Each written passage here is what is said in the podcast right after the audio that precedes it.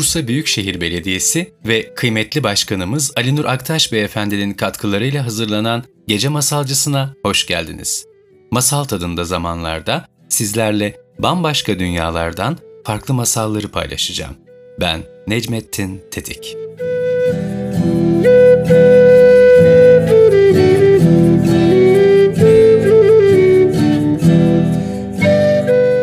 Zamanlar deniz kenarında küçük bir kulübede bir balıkçı ile karısı yaşarmış. Balıkçı her sabah daha gün ışımadan oltasını kurar, bütün gün balık tutarmış.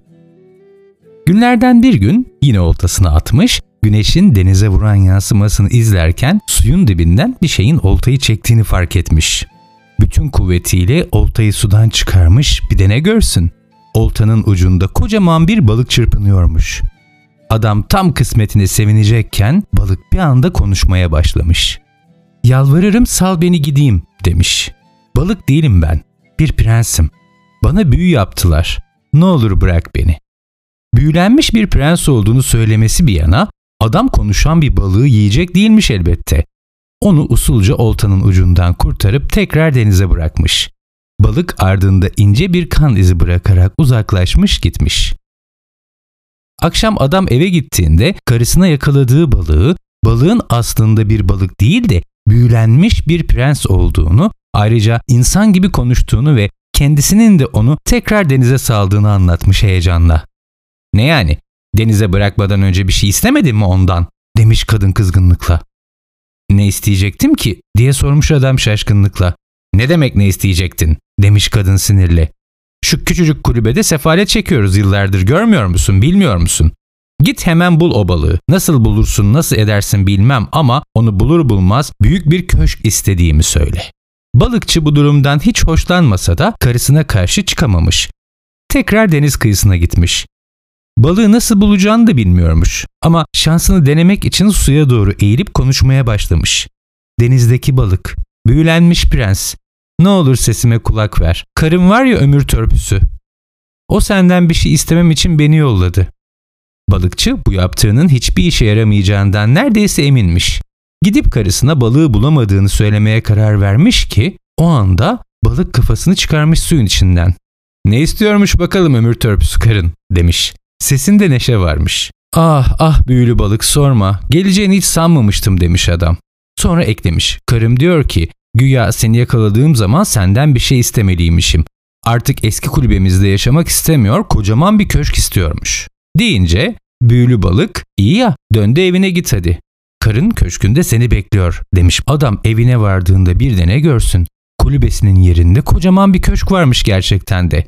Karısı da kapıda bekliyormuş onu. Hadi gelsene içeri demiş heyecanla. Şuna bak eski kulübemizden çok çok daha güzel değil mi?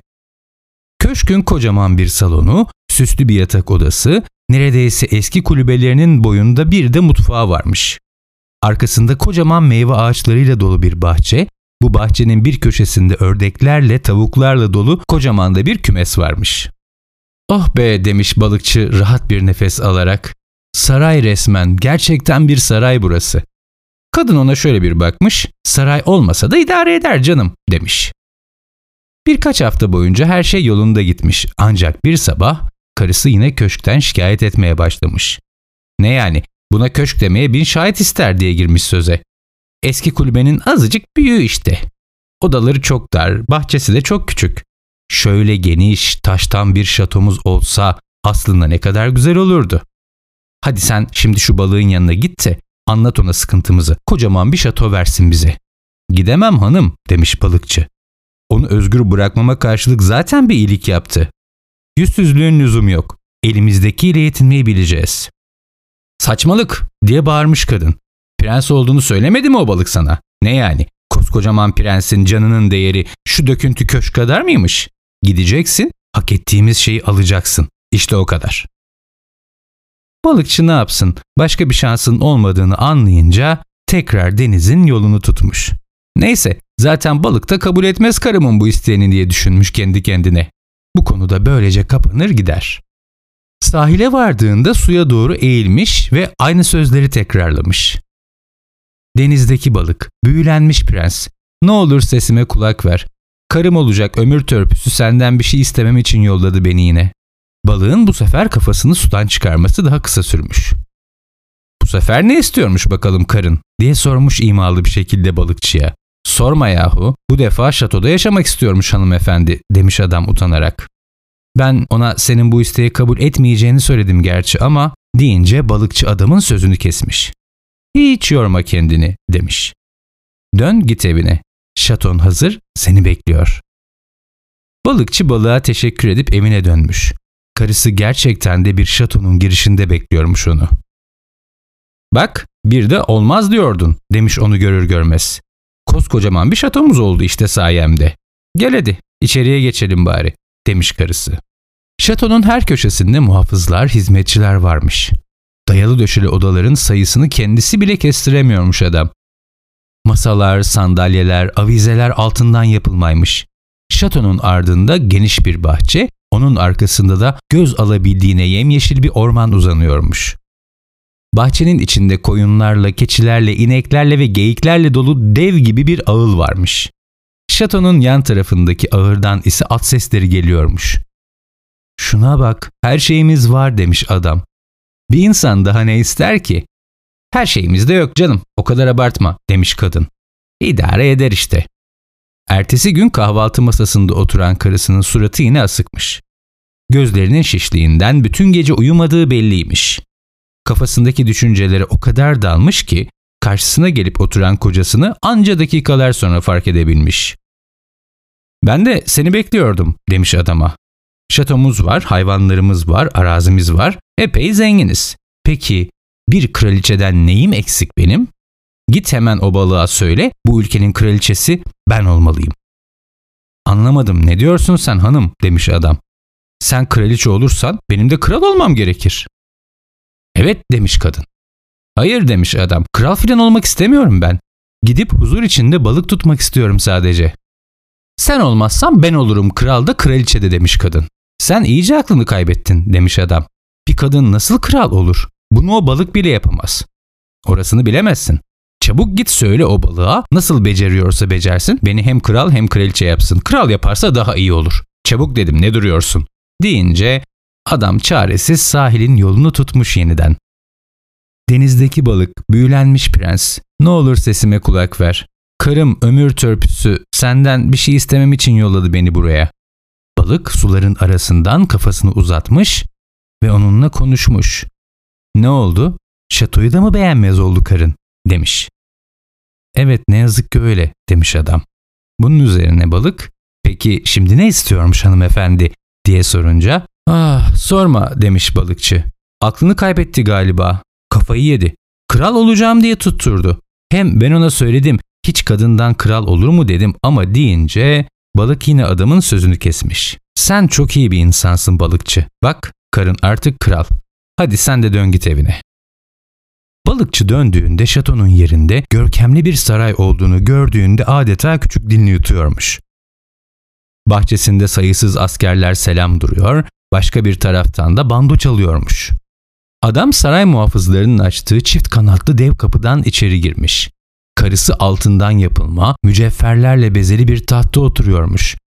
Kafasında kocaman kraliyet tacı varmış ve etrafı hizmetkarlarla çevriliymiş. Adam ona şöyle bir bakmış ve oldu mu şimdi istediğin demiş. Oldu tabii demiş kadın. Baksana şu halime. Kral oldum ben. Adam karısına uzun uzun bakmış. Eh artık halinden memnunsundur herhalde demiş. Bilemiyorum demiş kadın.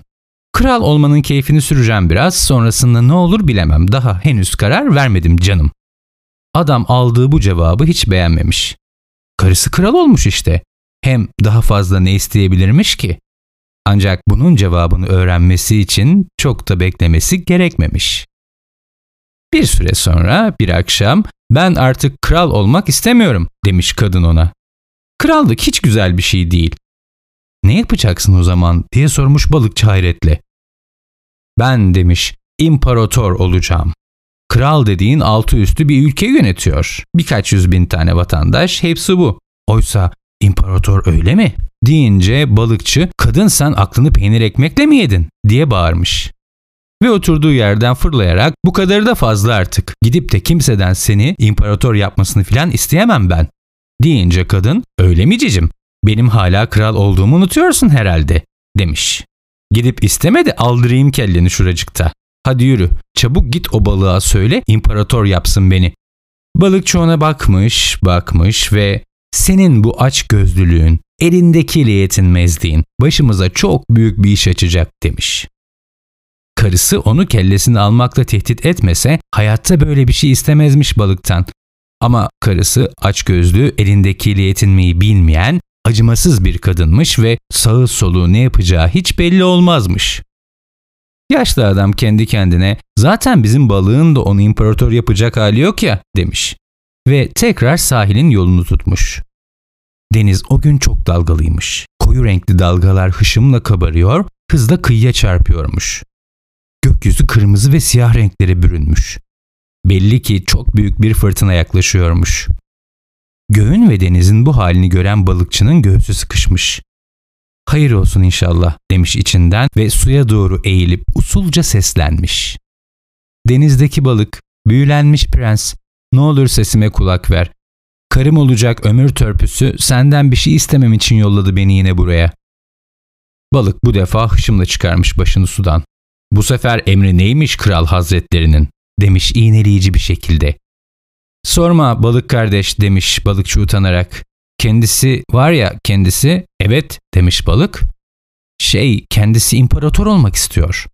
Balık ve balıkçı bir süre konuşmadan birbirlerine bakmışlar. Balık ondan sonra konuşmuş. Hadi sen evine git demiş. Karın artık imparator ne de olsa onu bekletmek istemezsin dostum. Bunu söyleyen balık bir anda gözden kaybolmuş. Adam geriye döndüğünde karşısında öyle bir saray varmış ki eski sarayları adeta minik kulübelerini anımsatıyormuş. Bu defa karısı devasa bir salondaki som altından devasa bir tahtta oturuyormuş. Kafasındaki üç katlı tacın tepesinde ise insan yumruğundan daha büyük yemyeşil bir zümrüt varmış. Etrafı büyük insanlarla çevriliymiş ve her tarafta mücevherler, altınlar, mumlar göz kamaştırıyormuş. İstediğin olmuş bakıyorum demiş balıkçı. Evet demiş kadın böbürlenerek artık ben bir imparatorum. Ee demiş adam bu da artık isteyecek başka hiçbir şeyin kalmadı demek oluyor öyle değil mi? Yani daha fazla bir şey olamazsın. Senin bile isteyebileceklerinin bir sonu, bir sınırı vardır. Deyince adam, kadın bu konuda bir söz veremiyorum demiş. Zira benim düşlerim seninkiler kadar ufak ve değersiz değil. Ama adam kadının daha fazla bir şey isteyemeyeceğinden eminmiş. O yüzden aldığı cevaba pek aldırmamış. O gece ilk defa rahat bir uyku çekmiş. Ancak sabah kalkıp da karısını uykusuz gözlerle pencereden dışarı bakarken bulduğunda korkuya kapılmış. Karısı ona şöyle bir bakmış, gece olunca ay doğuyor demiş. Gündüz olduğunda da ay kayboluyor, yerine güneş geliyor. Söylesene kuzum kimden izin alıyor bunlar? Balıkçı bu soru karşısında öyle afallamış ki sonunda karısının bunu söylemediğine, kendisinin onu yanlış anladığına kanaat getirmiş. Anlamadım demiş tedirgin bir sesle.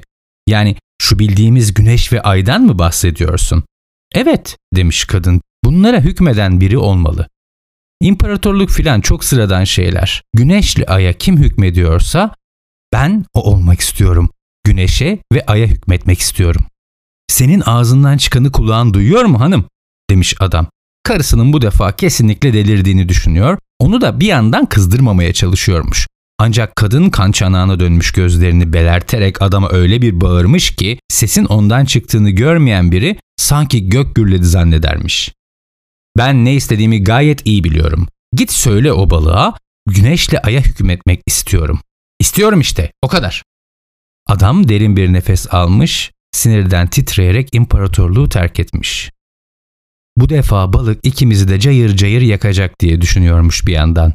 Ne yani? Anlamıyorum ki ne yapmak istediğini. Güneşe ve aya hükmetmek nedir? Nereden çıktı? Ne dediğinin farkında mı gerçekten yoksa mantığının sınırını aşıp gerçekten delirdi mi? Kendi kendine konuşa konuşa kıyıya gelmiş. Bu sırada sahilde bir kasırga kopuyormuş. Yaşlı ağaçlar sağa sola savruluyor, daha genç olanları köklerinden kopup devrili veriyormuş. Bir yandan da gök gürültüsüyle yağmur başlamış. Denizi kapkara bir dev gibi dalgalar kaplamış. Uçlarındaki köpükler acımasız bir kralın başındaki bir taca benziyormuş. Balıkçı rüzgara direne direne zar zor gelmiş deniz kıyısına. Denizdeki balık, büyülenmiş prens, ne olur sesime kulak ver. Karım olacak ömür törpüsü senden bir şey istemem için daha yolladı beni buraya deyince balık denizden kafasını çıkarmış. Kadının bu defa aya ve güneşe hükmetmek istediğini duyduğunda hiçbir şey söylemeden tekrar denize dalmış. Balıkçı birkaç defa daha seslenmiş ama hiç ses vermemiş.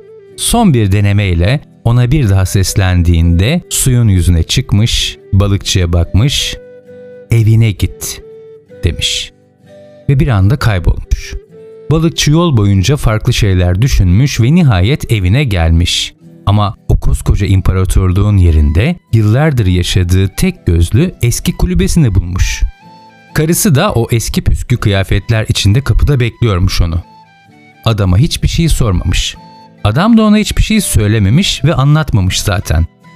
Kadının başına gelenleri artık açıkça anlayabildiği her halinden belliymiş. Hayatlarının geri kalanını o minik eski kulübede geçirmişler. Bir daha ne prens balığı görmüşler ne de başlarından geçenler hakkında tek bir kelime etmişler. Ama laf aramızda balıkçı eski kulübesine döndüğü eski mutlu hayatına geri geldiği için çok mutluymuş.